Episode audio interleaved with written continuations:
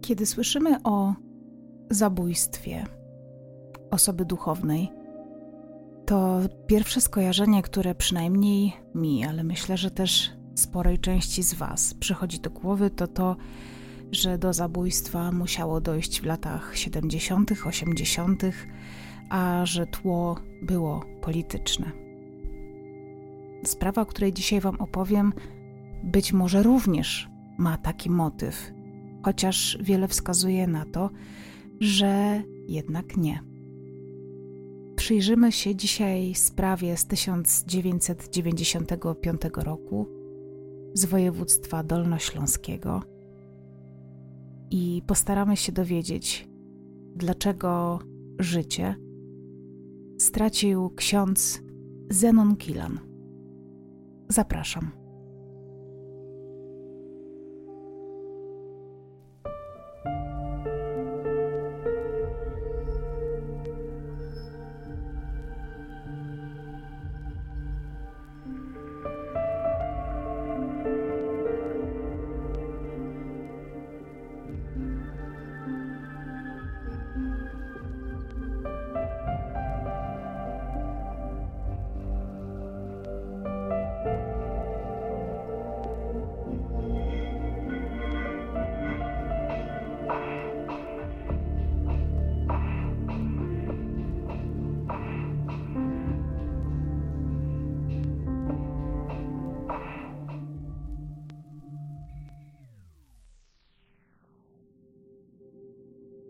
Na mapie Polski mamy dwie miejscowości o tej samej nazwie Szyszków.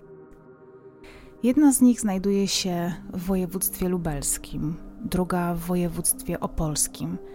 I w której z nich, ale podejrzewam, że w tym Szyszkowie niedaleko Opola, na świat przychodzi Zenon Kilan, dokładnie 24 czerwca 1932 roku. Nie do końca wiadomo, jak przyszły proboszcz parafii Michała Archanioła w Ludwikowicach Kłodzkich spędza swoje dzieciństwo i młodość, jednak spora część tego okresu na pewno upływa pod znakiem II wojny światowej i tragedii, która się wówczas przetaczała przez całą Europę i właściwie świat. Wiemy natomiast, że w 1969 roku, kiedy ksiądz Zenon ma już 37 lat, zostaje proboszczem właśnie we wcześniej wspomnianej parafii w Ludwikowicach Kłodzkich. Ludwikowice Kłodzkie to niewielka wieś w województwie dolnośląskim, obecnie dolnośląskim, niedaleko miejscowości Nowe Rudy. A same Ludwikowice są na tyle małą miejscowością, że ksiądz Zenon sprawuje pieczę nad parafią po pierwsze sam, ale po drugie jest też w niej jedynym kapłanem. I do tego odprawia też msze święte w pobliskiej e, wsi, która nazywa się Sokolec. E, tam też jest kościół pod wezwaniem świętego Marcina i te dwie e, świątynię ksiądz Kilan ma tak jakby pod swoją opieką na wyłączność, tak na dobrą sprawę. Sam ksiądz Kilan zostaje przyjęty przez mieszkańców Ludwikowic i Sokolca bardzo dobrze. Przede wszystkim e, jest e, uważany za osobę o wielkim, szczodrym sercu. Uważany jest za osobę bardzo pomocną, wychodzącą wręcz z inicjatywą. Zresztą mieszkańcy uważają i są o tym święcie przekonani, że gdy tylko ktoś jest w potrzebie, to ksiądz od razu stara się pomóc. Do tego wszystkiego, mm, co chyba nie powinno dziwić, e, i wydaje mi się, że to też przemawia za tym, że Szyszków, z którego ksiądz Kilon pochodzi, to jednak ten Szyszków z okolic Opola, ponieważ od dzieciństwa ksiądz Kilan włada bardzo dobrze językiem niemieckim. To właśnie w okolicach Opola i w dzisiejszym województwie opolskim znajduje się najliczniejsza mniejszość niemiecka. E, jest tam e, sporo Niemców. To też są tereny przygraniczne i były wówczas terenami niemieckimi. E, mówię tutaj głównie o okresie przedwojennym. Oczywiście Nie mówię, że całe województwo opolskie było niemieckie, ale sporo tych miejscowości, które dzisiaj znajdują się na Dolnym Śląsku, w województwie opolskim y, czy w samym województwie śląskim, to były miejscowości również niemieckie. Zresztą sam Sokolec na przykład był, e, czy, czy Ludwikowice Kłodzkie były miejscowościami niemieckimi. E, zresztą znajdują się w takim bardzo specyficznym rejonie. Specyficznym mówię pod względem tego, co działo się tam historycznie w trakcie II wojny światowej. Może na chwilę wrócę do czasów II wojny światowej, kiedy to w okolicach Ludwikowic, Sokolca, Nowych Ród. Działy się rzeczy bardzo tajemnicze, bardzo dziwne i wzbudzające mnóstwo emocji nawet do dzisiaj. Mówimy o terenach też górsowich, w których Trzecia Rzesza rozpoczęła wielką, naprawdę ogromną, z olbrzymim rozmachem budowę sieci tuneli, sieci wielkich, nie wiem, komnat, pomieszczeń, e, hal wykutych właśnie w skałach, w górach które miały być przeznaczone, no i tutaj właśnie nie wiadomo do końca na co. Chociaż najwięcej dokumentów i różnego rodzaju wątków wskazuje na to, że właśnie w okolicach Ludwikowic Kłodzkich miała znajdować się kwatera główna Adolfa Hitlera, jedna z kilku e, kwater, i to taka, w której sam Adolf Hitler mieszkałby w czasach, e, kiedy musiałby się ukrywać to też właśnie w górach miał być też e, być stworzony jakiś bardzo, bardzo bezpieczny schron, ale też bardzo wiele wskazuje na to, że cała sieć komunikacyjna, e, tory, e, wielkie wykute hale, przestrzenie w, w górach miały być halami produkcyjnymi do tworzenia specjalnej amunicji, służącej oczywiście Niemcom w trakcie II wojny światowej do y, walki y, na froncie. Ja do końca nie znam się na tych y, specjalistycznych nazwach broni czy pocisków. Wiem, że to miała być jakaś super broń. A w samych Ludwikowicach, Sokolcu i w Nowych Rudach przewożono mnóstwo e, osób z obozów koncentracyjnych. E, głównie tutaj mówię o terenach polskich, czyli na przykład z Auschwitz-Birkenau, z Oświęcimia. Jest nawet świadectwo jednego z węgierskich Żydów, który opowiada o tym, że gdy trafił do obozów Auschwitz, to na rampie, czyli na tym miejscu, które służyło do właściwie rozładunku wagonów, które przywoziły E, więźniów. E, spotkał go kapo polski. Kapo to była osoba, która pełniła rolę strażnika, ale była również więźniem. No, dla tych mówię to, którzy nie do końca orientują się w tej nomenklaturze mm, e, obozowej i kapo, który tego Węgra zaczepił, y, był dla niego bardzo nieprzyjemny, bardzo y, na niego krzyczał. Oczywiście ten Węgier nie, nie znał języka y, polskiego, a to właśnie po polsku ten człowiek mówił. W końcu jakoś dogadali się, nie wiem, czy, czy po niemiecku, czy w jaki sposób. W każdym razie ten Polak miał do Węgra niezwykły żal o to, że pozwolili się tutaj przywieźć całymi wagonami, że nie stawili oporu, że tutaj e, w Auschwitz panuje wielka, wielka e, machina do zabijania. E, ja podlinkuję Wam źródło tej historii, o której teraz mówię. To jest z kanału History Hiking. I właśnie temu węgierskiemu Żydowi polskie, polski kapo powiedział, że ma zrobić wszystko, ale to absolutnie wszystko, żeby się z tego obozu wydostać. A wydostać się może innymi w ten sposób, że Niemcy w tamtych latach, mówimy tutaj o roku 43-44, kiedy y, zresztą był największy pogrom Żydów, y, chyba apogeum Holokaustów, jeżeli chodzi o Żydów węgierskich, z tego co wiem, więc tutaj też taki mały znaczek zapytania E, miał miejsce, e, e, można było się z obozu wydostać w taki sposób, że z niektórych więźniów niemieccy oprawcy po prostu korzystali. Korzystali z ich umiejętności.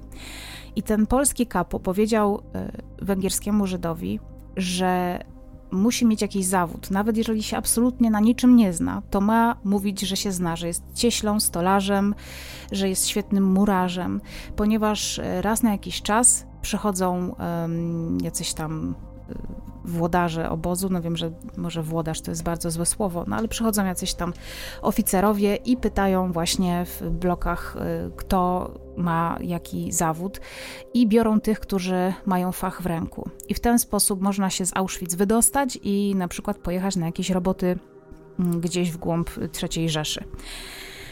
Y, ten człowiek, ten Węgier o tym e, pamiętał i kiedy po kilku tygodniach taka sytuacja miała miejsce, wraz z ojcem e, okłamali jakiegoś tam niemieckiego oficera i dzięki temu pojechali na budowę. I właśnie wylądowali w Ludwikowicach Kłodzkich, to wtedy się nazywało chyba Ludwigsdorf, e, i pracowali przy budowie tego wielkiego, wielkiego obiektu, który zresztą nazywał się Rize, E, taki, tak, tak się nazywał projekt Rize. E, Rize to znaczy olbrzym po niemiecku i właśnie można tylko domyślać się skąd ta nazwa.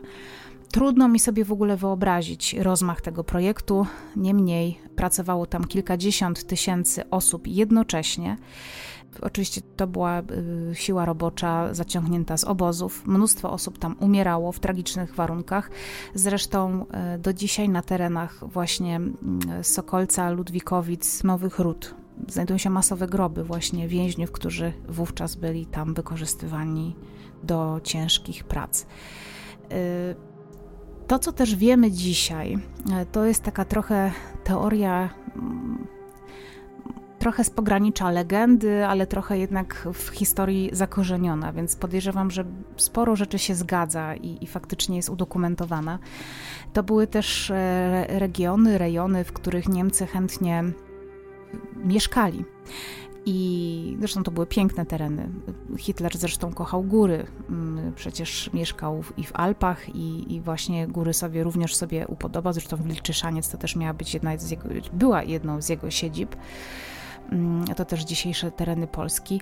E, to były też e, tereny, w których Niemcy e, składowali dzieła sztuki, które wywozili i kradli na terenach, które podbijali, i później brali je dla siebie ale też musieli oczywiście chować. To nie było tak, że te dzieła sztuki sobie wisiały gdzieś tam na ścianach. Oczywiście część pewnie wisiała, ale y, myślę, że większość po prostu była ukrywana na na przykład powojenne czasy, żeby je na przykład nie wiem, gdzieś sprzedać i dużo na nich zarobić. Więc to są te rejony, w których ksiądz Zenon mieszka. Y, świetnie posługuje się językiem niemieckim, mm, co też często wykorzystuje.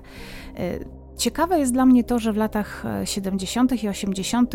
ksiądz Zenon ma paszport, ponieważ Mało kto, tak jak księża katoliccy, byli wówczas e, pod obserwacją e, służby bezpieczeństwa. Była to grupa wysokiego ryzyka, bo to właśnie e, w okolicach parafii tworzyły się różnego rodzaju opozycyjne grupy. To właśnie księża mieli dostęp do różnego rodzaju tak zwanej makulatury.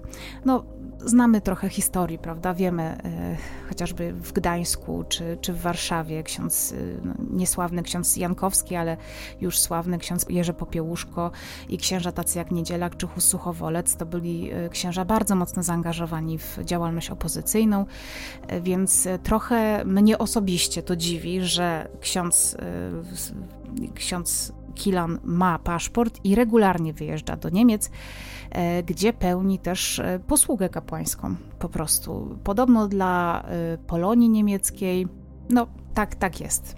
Więc tutaj tylko taki mały znak zapytania. Parafianie z kolei są zachwyceni postawą tego nowego i młodego księdza, który w dodatku ma bardzo dobry wpływ na młodzież i dzieci jednoczy młodzież, organizuje dla nich spotkania, e, oazy, różnego rodzaju młodzieżówki, dyskoteki, wycieczki. Mm, zresztą kapłan e, właśnie dla dobra młodych wykorzystywał swoją plebanię, która też znajdowała się w bardzo starym budynku, niemieckim czy po niemieckim budynku, po to właśnie, żeby młodzież z tamtych rejonów, no w sumie to z małych wsi, mogła i miała gdzie się bawić, tworzył dla nich taką trochę infrastrukturę, powiedzmy, rozrywkową. Ale proboszcz Kilon przypada wiernym do gustu również tym, że zdaje się być osobą, która potrafi zarządzać pieniędzmi. Po pierwsze, ksiądz sam posiada bardzo dużo oszczędności, którymi chętnie dzieli się z mieszkańcami Ludwikowic. E, kiedy ci przychodzą do kapłana z problemem, to ten bezproblemowo ofiaruje im drobne sumy, udziela pożyczek finansowych na większe kwoty, ale tutaj już e, udziela tych pożyczek na procent, prowadzi taką całą swoją księgowość tych pożyczek. Znaczy księgowość, no takie księgi tych pożyczek, więc yy, później będzie można mieć w nie wgląd. Tę niezwykłą postawę e, księdza dostrzegają również ludzie w tym, że jest niezwykle otwarty i mieszkańcy wsi, y, kiedy spotykają księdza na ulicy, to cieszą się z faktu, że on sam zawsze się zatrzymuje, pyta, co słychać, kojarzy ludzi z imion, z nazwisk, nawet wie, co się u nich dzieje, kojarzy całą jakąś historię tej rodziny i obecną sytuację. Pyta zawsze, czy dana osoba potrzebuje pomocy, czy wszystko w porządku. Mm, Dzięki temu mieszkańcy Sokolca i Ludwikowic czują się przez księdza świetnie traktowani i wiem, że takie słowo w polskim języku nie istnieje, ale pewnie prędzej czy później wejdzie. Czują się zaopiekowani przez swojego no, pasterza. Warto również wspomnieć, że posługa księdza Kilana przypada też na czasy trudne dla Polaków, kiedy oprócz tego, że władza jest represyjna, to przede wszystkim gospodarczo kraj leży w ruinie.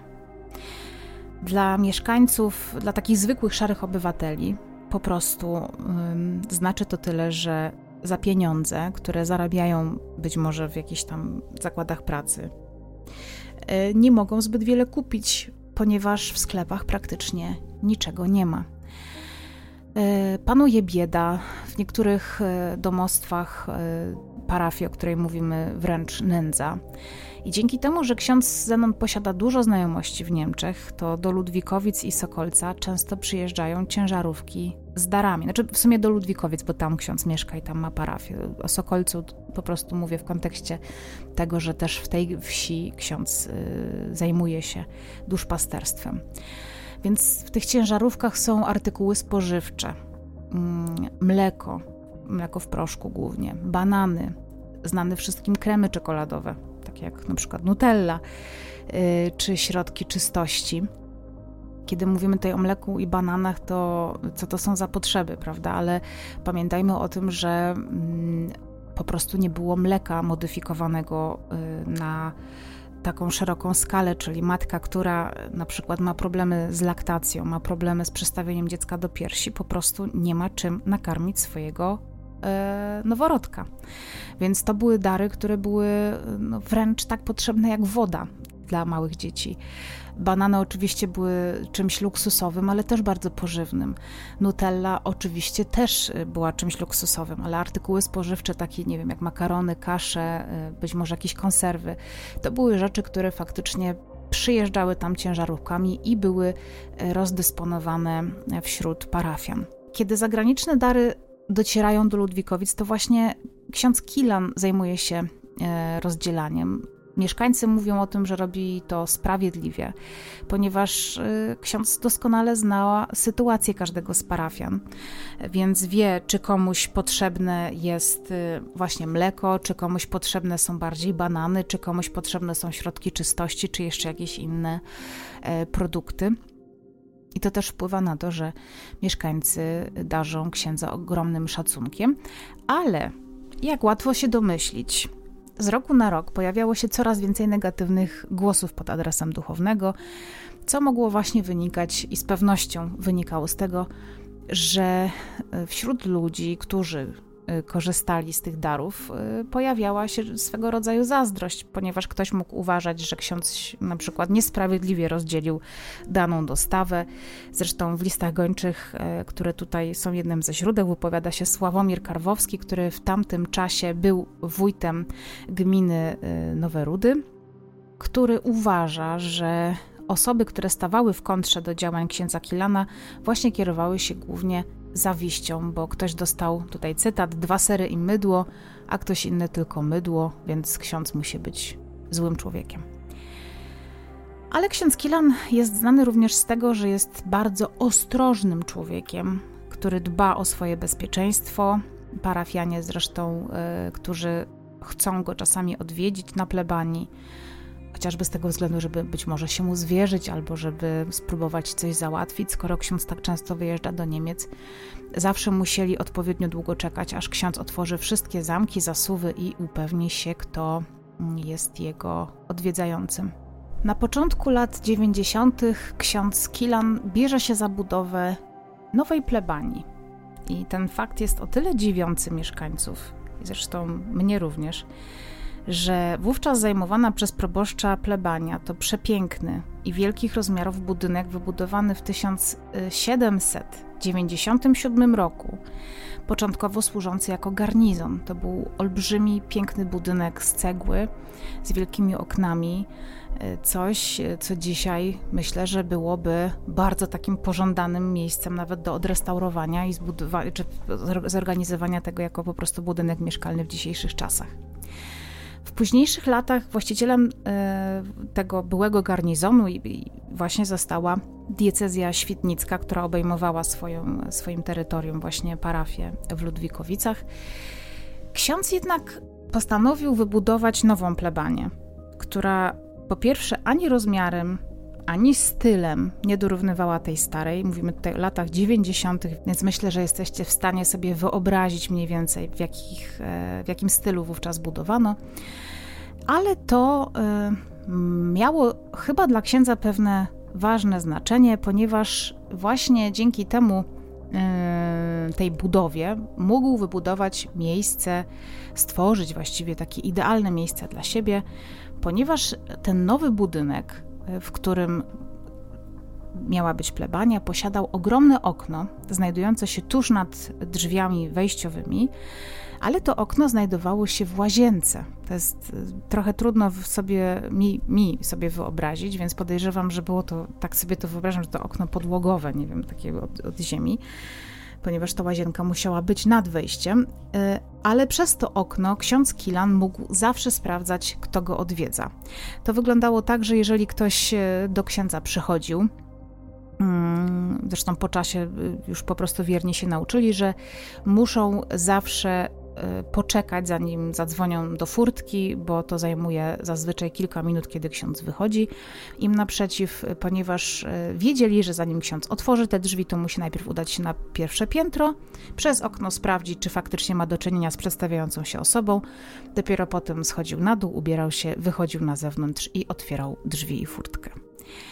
A co y, natomiast stało się z historycznym budynkiem tej starej plebanii? No, niestety nic. Budynek po prostu został opuszczony i niszczał. Dzisiaj chyba tylko tam y, przychodzą sobie urban explorerzy. W ogóle nawet nie wiem, czy ten budynek jeszcze stoi. W styczniu 1995 roku ksiądz proboszcz y, udaje się do mieszkańców y, Ludwikowic i Sokolca z kolendą trwa oczywiście taka kolenda kilka dni. Dla osób, które nie wiedzą, czym jest kolenda, to jest taki zwyczaj w Kościele katolickim, gdzie w okresie około bożonarodzeniowym, głównie po Bożym Narodzeniu, ksiądz odwiedza y, wszystkie domostwa w parafii, y, składa tak zwaną wizytę duszpasterską. Ona polega na tym, że ksiądz przychodzi do każdego, siada, rozmawia, podpisuje jakiś tam obrazek, na przykład daje obrazek na pamiątkę tej wizyty. E, w wielu miejscach wygląda to tak, że po prostu ksiądz gości się u ludzi.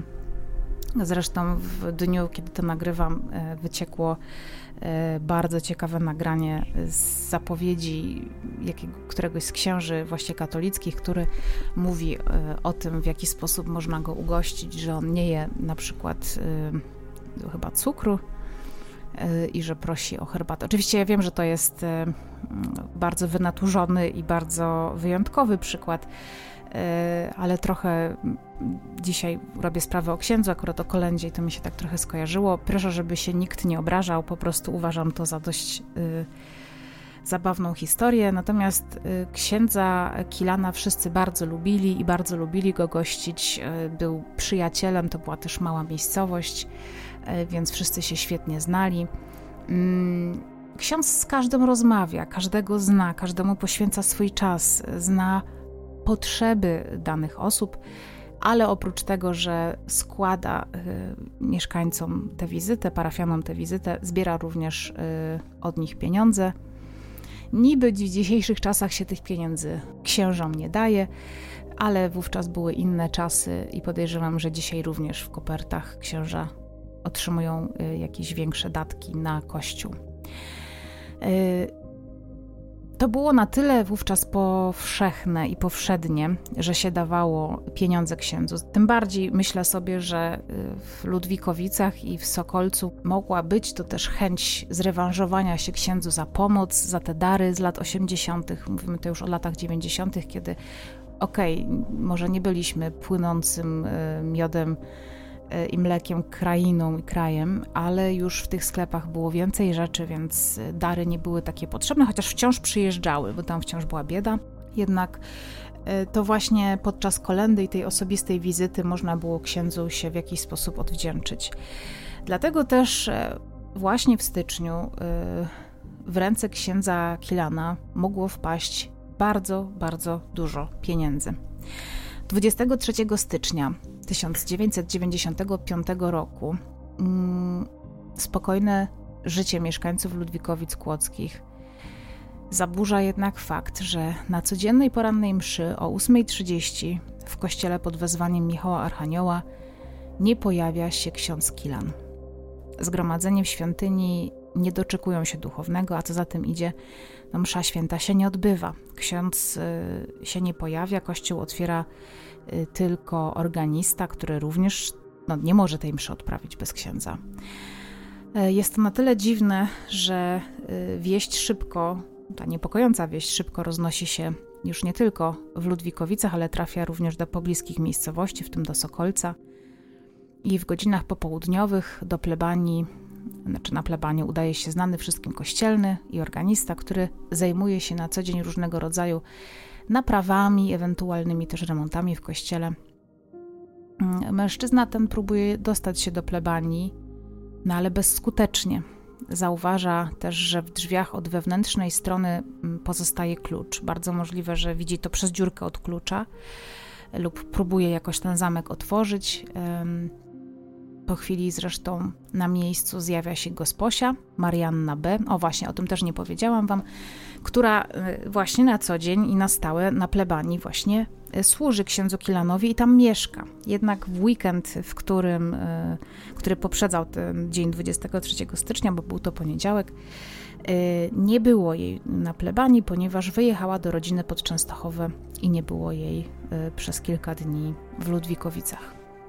Kościelny Dalej próbuje dostać się do budynku. Tym razem postanawia wziąć drabinę mm, i dostać się przez okienko na piętrze, ale nie udaje mu się tego okna otworzyć. Nie zauważa również nic niepokojącego. Nie widzi też z drugiej strony księdza e, przez to okno, nie wie co się dzieje. Dlatego wtedy postanawia razem z gosposią e, zadzwonić po policję, czy wezwać policję oraz straż pożarną. I to dopiero dzięki nim e, udaje się dostać do środka, gdzie na parterze przed drzwiami wejściowymi do plebanii funkcjonariusze odkrywają ciało księdza Zenona.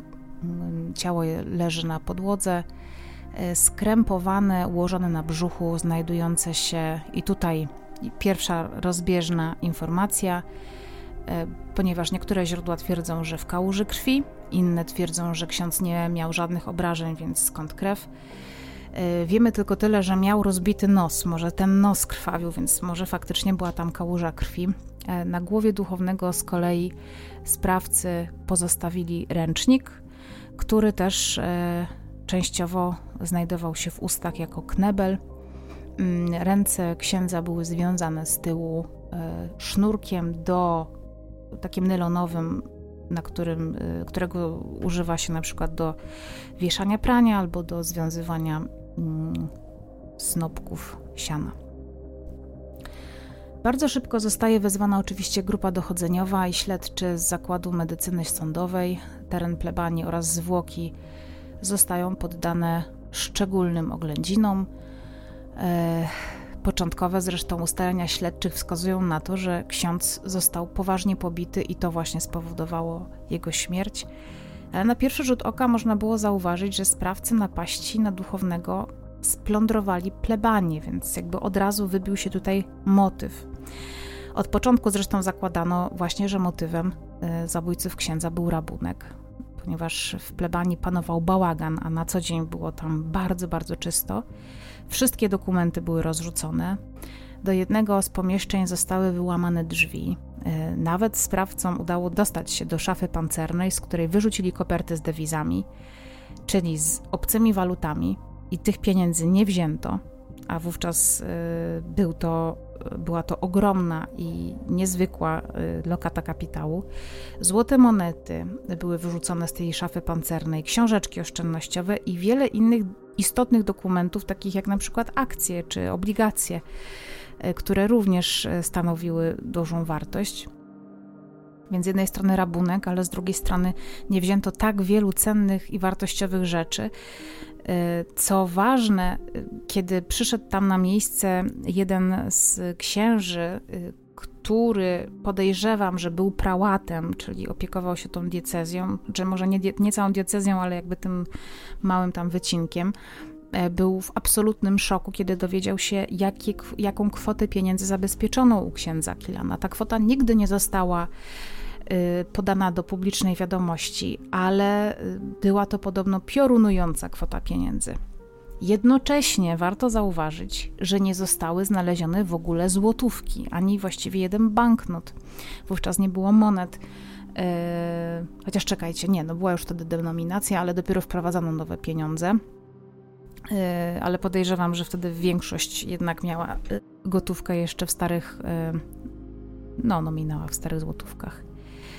I wszystko wydawało się być jasne, ale śledczy zauważyli, a właściwie to nie dostrzegli nigdzie śladów włamania, co według nich świadczyło jednoznacznie o tym, że osoby, które go yy, skrępowały i pozbawiły życia, to musiały być osoby, które ksiądz Kilan znał, bo musiał ich wpuścić z własnej woli, co również yy, mogłoby potwierdzać, e, czy jedna, to co mogło potwierdzać by również te teorie, to to, że twarz księdza była po prostu przykryta ręcznikiem. E, twarz e, bardzo często ofiar zabójstw jest przykrywana właśnie z tego względu, że psychicznie bardzo trudno jest sprawcy, znajomemu, znieść właśnie widok e, twarzy zabitej osoby. Jest też taka teoria, którą dzieli się profesor Monika Całkiewicz, która zresztą napisała książkę Ofiary w sutannach, Całkiewicz i Błaszczuk.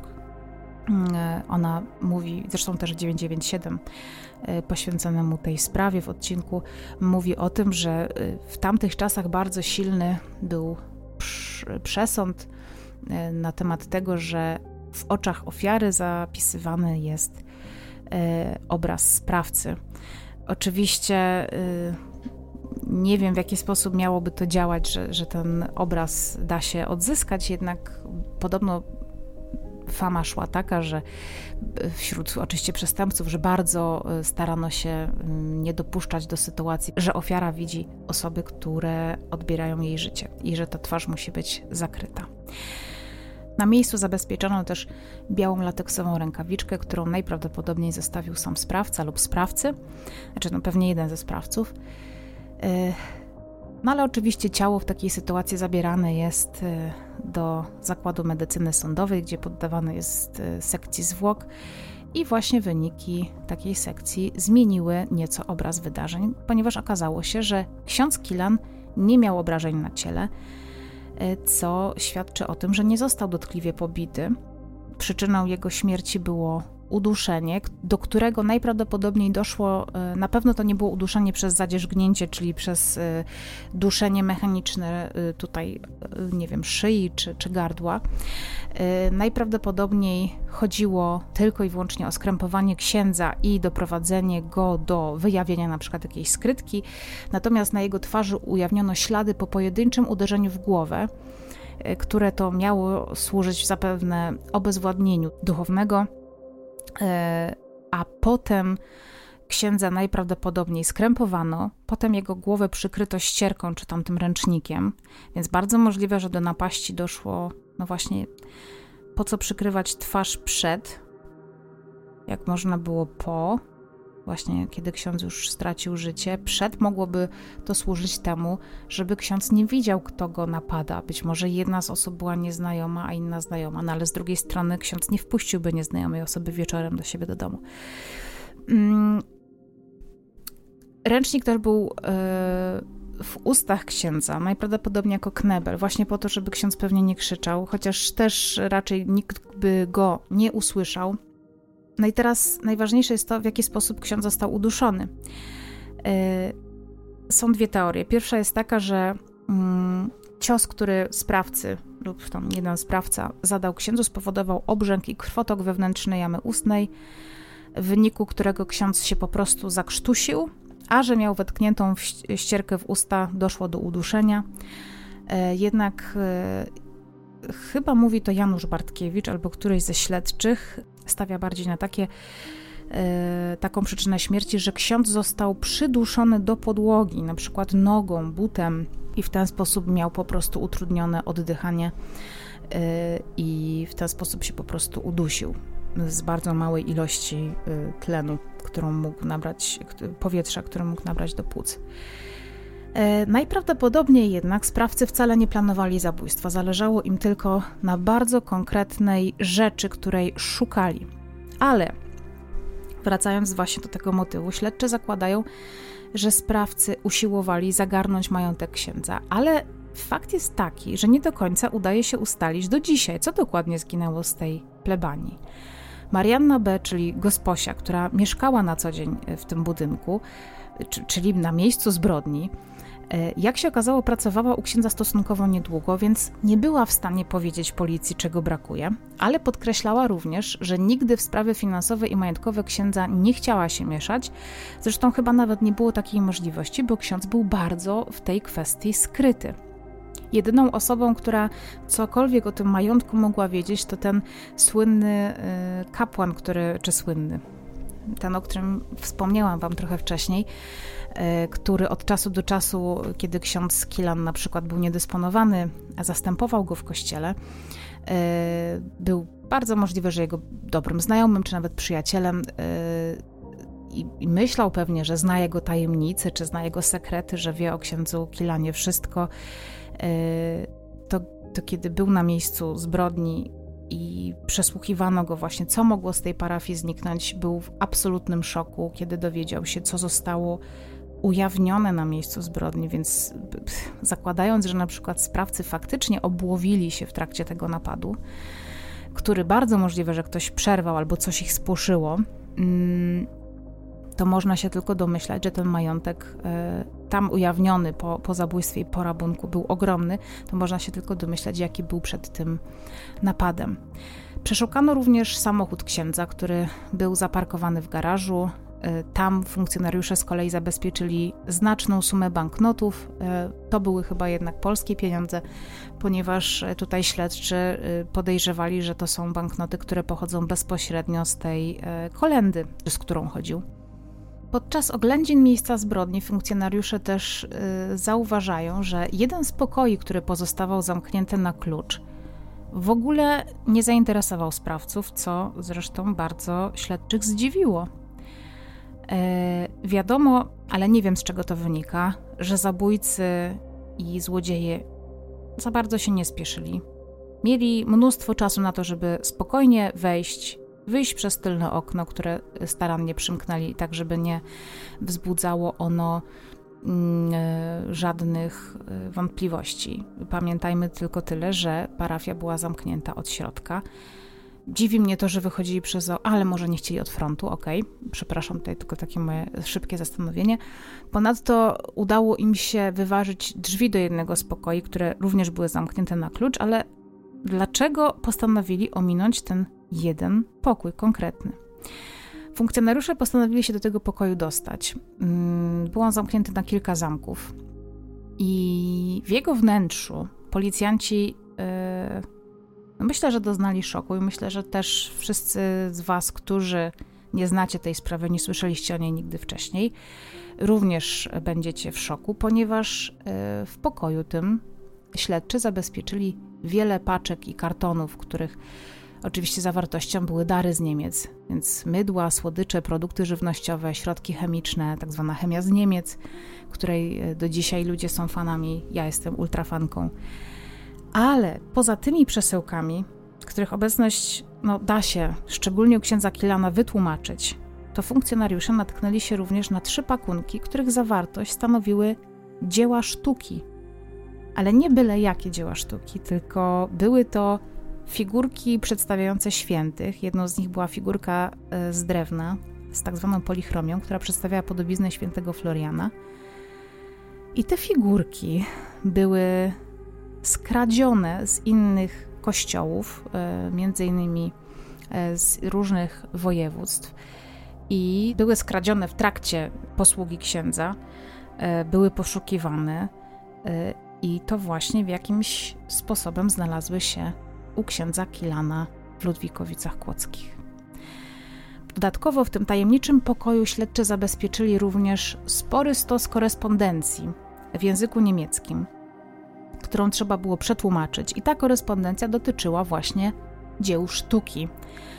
Ksiądz e, korespondował z kilkoma osobami z Niemiec, które zajmowały się handlem e, sztuką, właśnie Y, o dziełach sztuki, o różnego rodzaju y, sakralnych dziełach sztuki, co rzuciło y, zupełnie, zupełnie nowe światło na tę sprawę i w ogóle na życie księdza Kilana, któremu zresztą śledczy zaczęli przyglądać się bardziej wnikliwie. Przede wszystkim zaczęto badać powiązania księdza z Niemcami. Jak się okazało, ksiądz co roku latem wyjeżdżał do Niemiec ale nikt nie potrafi powiedzieć, jaki dokładnie cel miały te coroczne, długie wyjazdy, bo kilkutygodniowe. Ksiądz twierdził, że jeździ tam odprawiać msze dla Polonii oraz na jakieś rekolekcje, które prowadził. Zresztą stale do tych Niemiec jeździł. Po śmierci proboszcza pomiędzy mieszkańcami słychać było różne teorie na temat przyczyn tragicznych wydarzeń, oczywiście. Mm, przecież to jest coś niebywale wstrząsającego dla, myślę, że każdego człowieka, kiedy dowiaduje się, że ktoś nagle traci życie, w dodatku zostaje e, zamordowany, ale szczególnie w małych społecznościach, kiedy wszyscy się znają, e, no to wywołało to oczywiście ogromny szok, ale nie dało się nie usłyszeć, oprócz takich e, wręcz lamentów i rozpaczy, nie dało się nie słyszeć głosów, że to musiało się tak skończyć. No ale co dokładnie mieli na myśli mieszkańcy Ludwikowic Kłodzkich? Zaprzyjaźniony starszy ksiądz Franciszek, który pełni funkcję rezydenta, wypowiedział kiedyś słowa, rezydenta tutaj właśnie na tej, w tej parafii Michała Archanioła, wypowiedział kiedyś słowa, które stały się potem tytułem jednego z reportaży, który też tutaj linkuję wam. Zresztą to jest jeden z rozdziałów właśnie w książce profesor Moniki Całkiewicz i Małgorzaty Błaszczuk. Ksiądz Zenon nigdy nie powinien być księdzem. Czy to oznacza, że ksiądz Zenon, uwielbiany przez prawie wszystkich mieszkańców Ludwikowic, miał, nie wiem, drugie życie? Był po prostu zupełnie innym człowiekiem, grał, e, grał jakąś rolę? I trochę okazuje się, że tak, ponieważ śledztwo w sprawie zabójstwa duchownego ujawniło kilka, a właściwie to mnóstwo spraw, o których nikt nie miał zielonego pojęcia. Jak się okazuje, zabezpieczona u księdza korespondencja w języku niemieckim, już powiedziałam, że dotyczyła dzieł sztuki, ale kilka listów e, było wręcz e, no, mrożących krew w żyłach, a właściwie, czy tam wywołujących nawet dreszcze czy ciarki. Jeden z listów dotyczył na przykład wskazówek, których e, udzielano księdzu Zenonowi przez kogoś z Niemiec. Y, były to wskazówki dotyczące pewnego przydrożnego krzyża wykonanego z kamienia, który ksiądz proboszcz miał, uwaga, skutecznie zabrać i potajemnie wwieźć na teren Niemiec. Wiadomość zawierała informacje, komu należy go przekazać. Y, do tego do korespondencji dołączona była dokładna mapa z zaznaczonym miejscem, w którym znajduje się ten drogocenny krzyż. I kiedy śledczy podążyli śladami wyznaczonymi na y, mapie, mm, uwaga, Shockers, nie znaleźli żadnego krzyża, tylko wykopany dół, w którym prawdopodobnie ten krzyż kiedyś się znajdował. Zresztą mieszkańcy tam okolicznych miejscowości mówią, że faktycznie był tutaj zawsze. jakiś krzyż, a potem nagle zniknął. Kiedy ta informacja dociera, być może pocztą pantoflową, do mieszkańców Ludwikowic Kłodzkich, e, zaczęły wypływać powolutku, zresztą z ich ust, prawdopodobnie to ich trochę ośmieliło, żeby zaczęli mówić, kolejne informacje i szczegóły z życia duchownego. Powiem, jak się okazało, ksiądz Zenon Kilan należał do osób bardzo rozrywkowych i to wcale nie chodzi o to, że robił dyskoteki na parafii dla młodzieży. Sam lubił uczęszczać na różne zabawy, był bardzo kontaktowy, ale czego wcześniej nie było wiadomo, to fakt, że ksiądz bywał bardzo często widywany w towarzystwie kobiet, ale nigdy nie były to jakieś yy, takie niewinne sytuacje. Był widywany na dancingach, yy, na przykład we Wrocławiu, gdzie tańczył w towarzystwie kobiet, lub na deptaku, na przykład, kiedy szedł z kobietą za rękę, pod rękę. Yy, inni z kolei zaczęli wspominać czasy, kiedy na plebanii zamieszkiwała młoda E, kobieta, która była e, katechetką w pobliskiej szkole. Ten fakt oczywiście tłumaczono tym, że ksiądz jest bardzo towarzyski, też życzliwy. Skoro katechetka tutaj przyjechała, no to po prostu on ją ugości. Skoro ma bardzo duży y, dom, to wówczas była właśnie ten, ten poniemiecki budynek, który był wcześniej garnizonem. No i oczywiście to tam mieszkańcy traktowali jako po prostu gościnność księdza. To, co jednak zapadło mieszkańcom Ludwikowic y, i o czym zaczęli mówić po czasie, po kilku nie wiem, dniach czy tygodniach, to fakt, że pod parafią Michała Archanioła y, wielokrotnie wiedziano autokary z tablicami rejestracyjnymi z Niemiec. Wierni byli bardzo zainteresowani tym, y, po co przyjeżdżają takie wycieczki akurat do tego y, konkretnego kościoła. Y, no i kiedy ten kościół w ogóle był zamknięty, kiedy ci Niemcy przyjeżdżali, komuś jednak z mieszkańców udało się tam kiedyś wejść i ta osoba zobaczyła, że ksiądz odprawia tam mszę w języku niemieckim dla społeczności niemieckiej w towarzystwie dwóch nieznanych duchownych. Mnie to nie oburza, ale w latach 70., 80. E, Niemcy miały zupełnie inny PR niż dzisiaj i dla wielu wiernych, a właściwie dla większości mieszkańców Ludwikowic, ten fakt był po prostu oburzający, że w ich świątyni e, odprawia się msze w języku byłego oprawcy, że kościół jest zamykany, że ksiądz w ogóle, nie wiem, czy romansuje z jakąś inną społecznością. I nie podobało się to bardzo wielu mieszkańcom. E, którzy zaczęli bardziej na to zwracać uwagę, że Kościół odwiedzało wiele osób z Niemiec. U księdza Kilana zresztą gościło wielu mężczyzn, biznesmenów, którzy przyjeżdżali do niego e, dość zamożnymi, drogimi samochodami właśnie z, na niemieckich rejestracjach. E, ale miało to mieć miejsce jeszcze za czasów, kiedy ksiądz zamieszkiwał starą plebanię. Ale podczas, podobno podczas jednej ze mszy mm, odprawianych właśnie przez księdza Zenona, E, normalnej mszy, takiej regularnej e, dla e, po prostu parafian z Ludwikowic. W trakcie mszy do kościoła weszło kilku mężczyzn w ciemnych okularach, którzy na oczach wiernych zabrali sporych rozmiarów obraz znajdujący się na jednej z naw kościoła. Po prostu zabrali, wyszli, pozostawiając wszystkich w absolutnym szoku, a ksiądz Zenon, który stał na ołtarzu, nie protestował, E, nie zareagował w żaden sposób, tylko e, uspokoił e, parafian, mówiąc, że, że obraz został zabrany po prostu do renowacji. Mm, jednak ten obraz z tej renowacji do kościoła nigdy nie wrócił. Śledczy więc zaczęli przyglądać się tym wszystkim figurkom i dziełom sztuki czy biżuterii, która została znaleziona u księdza Kilana i kilka dzieł sztuki zidentyfikowano, m.in. figurkę świętego Floriana, która została skradziona kilka miesięcy wcześniej z parafii w Bystrzycy Kłodzkiej pod wezwaniem właśnie świętego Floriana. E, a po śmierci księdza Zenona pojawił się też materiał w 1995 roku, w 997. Przypomnę, zbrodnia wydarzyła się e, w nocy z 22 na 23 stycznia 1995 roku. Program był kilka miesięcy później. E, w tym programie wystąpił też właśnie wspomniany wcześniej oficer Janusz Bartkiewicz i zaprezentowano m.in. kilka figurek, które zostały u księdza Kilana e, znalezione. I po kilku dniach od emisji tego programu zgłosił się kapłan z Elbląga, który e, zidentyfikował te figurki, stwierdził, że należą one do jego kościoła, który został kilka miesięcy czy lat wcześniej okradziony. Ksiądz pokazał zresztą zdjęcia tych skradzionych figurek, stąd można było uwiarygodnić jego zeznania. Były one właśnie na różnych zdjęciach pochodzących z kościoła. Na terenie plebanii znaleziono też więcej listów w języku niemieckim, w których ksiądz otrzymywał y, inne instrukcje y, dotyczące przekazywania dzieł sztuki, y, figurek, dzieł sakralnych. I część z tych wskazówek dotyczyła wręcz konkretnych instrukcji przemytu dzieł sztuki z Polski do Niemiec.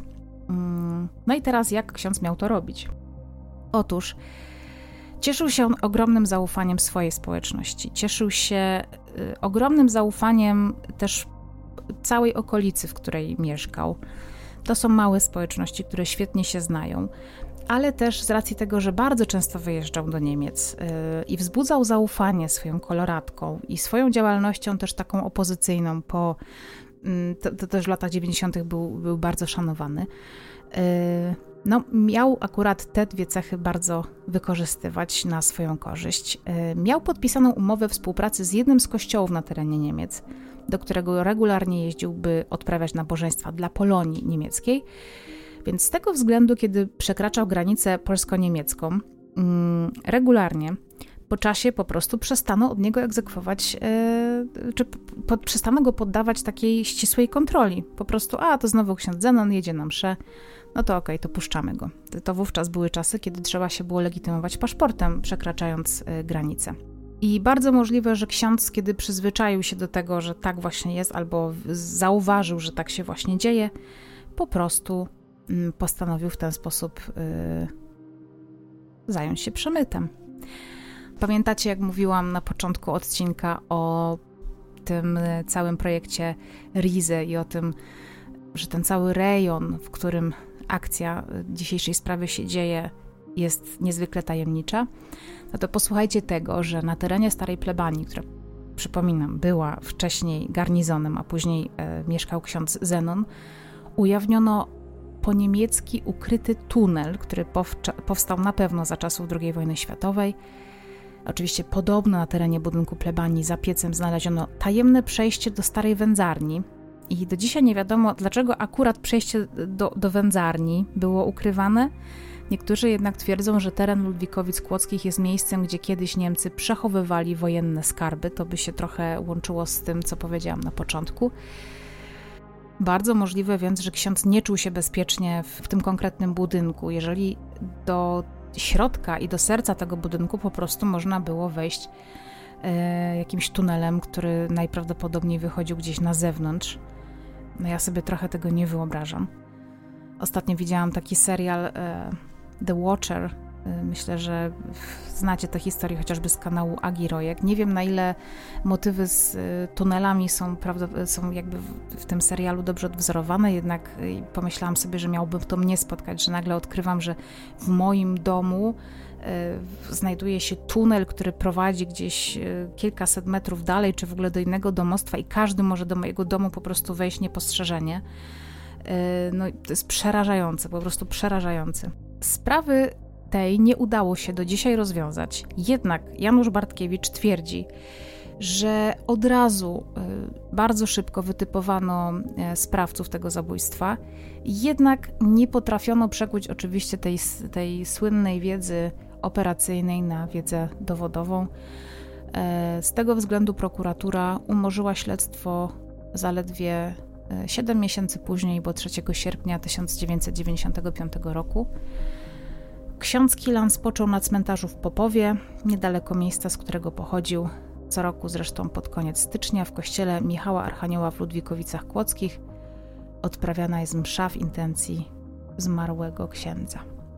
I to właściwie tyle na dzisiaj. E, dajcie znać, co sądzicie o tej historii. Być może wy coś wiecie. Ja gdzieś czytałam w jakichś komentarzach, że ksiądz e, chodził do wróżki. Ja nie, absolutnie nie jestem zwolenniczką czytania komentarzy i jakby nigdy nie przedstawiam wam takiej wiedzy, ale mignęło mi to gdzieś w, w którymś właśnie z komentarzy, że podobno była jakaś zła wróżba dotycząca tego garnizonu, i to właśnie ksiądz miał posłuchać jakiejś złej wróżby i przenieść się do nowo wybudowanej parafii. Oczywiście traktuje to z ogromnym przymrużeniem oka. E, jednak pamiętajmy, że to są tereny, których dotyczy bardzo wiele różnych tajemnic. Między innymi e, serial Znaki, jest taki serial, e, można go sobie obejrzeć na różnych platformach streamingowych też dzieje się właśnie w Górach Stołowych i tam też jest właśnie motyw tuneli, starych niemieckich e, jakichś budowli, bardzo dziwnych, magnetycznych broni i tak dalej, które miałyby miały być wówczas wybudowane i były ściśle tajnymi projektami III Rzeszy. E, być może też ludzie, którzy tam mieszkali, e, nasiąkali trochę tymi legendami i być może ksiądz Kilan też był taką osobą, która trochę w tym gdzieś żyła, mogła się tego trochę obawiać. E, mieszkańcy Ludwikowic do dzisiaj bronią pamięci księdza Kilana pod odcinkiem zripowanym swoją drogą e, listów gończych na YouTubie możecie poczytać komentarze. Jest taki słynny cytat właśnie z wójta, którego już tutaj wcześniej którą wcześniej tutaj mówiłam, że nie mogło tak być, że ksiądz przemycał dzieła sztuki, bo ja w to nie wierzę, że tak było. Inni twierdzą, że został e, ofiarą służby bezpieczeństwa, która już nie istniała od kilku lat w tamtych czasach. Ja wiem, że był UOP wtedy i inne jakieś tam służby tajne, ale e, działalność księdza nie była na tyle istotna i na tyle szeroka, żeby, żeby go likwidować, to już nie były czasy, kiedy likwidowano księży. Może posiadał faktycznie jakieś dokumenty, które mogły kogoś e, kompromitować, jednak e, no nie wiem. Jest bardzo wiele śladów, które prowadzą jednak do tego obrotu dziełami sztuki. Zresztą Janusz Bartkiewicz twierdzi, że ci sami sprawcy odpowiadają za napad na e, lekarza, którego też okradziono z bardzo wielu różnych kosztowności. Tam modus operandi było bardzo podobny i podobne jakieś tam ślady ujawnione również łączą te dwie sprawy, no ale wciąż brakuje dowodów. Być może wy coś wiecie, być może ktoś z was coś słyszał, jakąś plotkę, jakąś małą informację, która mogłaby przysłużyć się do rozwiązania tej sprawy albo stanowić jakiś dowód, to dajcie znać.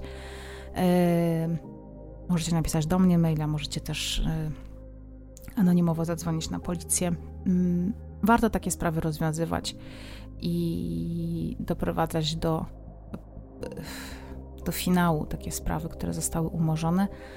E, ta sprawa się przedawni za kilka lat. Mm, może to ostatni moment, żeby doprowadzić do rozwiązania. E, zachęcam Was w każdym razie do tego, żeby szczególnie mieszkańców e, rejonów właśnie Ludwikowic Kłodzkich, żeby, żebyście się dowiedzieli, co wiecie na ten temat, co słyszeliście, co gdzieś tam czasami można słyszeć w półszeptach y, waszych sąsiadów czy mieszkańców. Jestem bardzo ciekawa. Dziękuję Wam dzisiaj za uwagę. Jak zwykle proszę Was o to, żebyście uważali na siebie, dbali o siebie i byli bezpieczni. Do usłyszenia.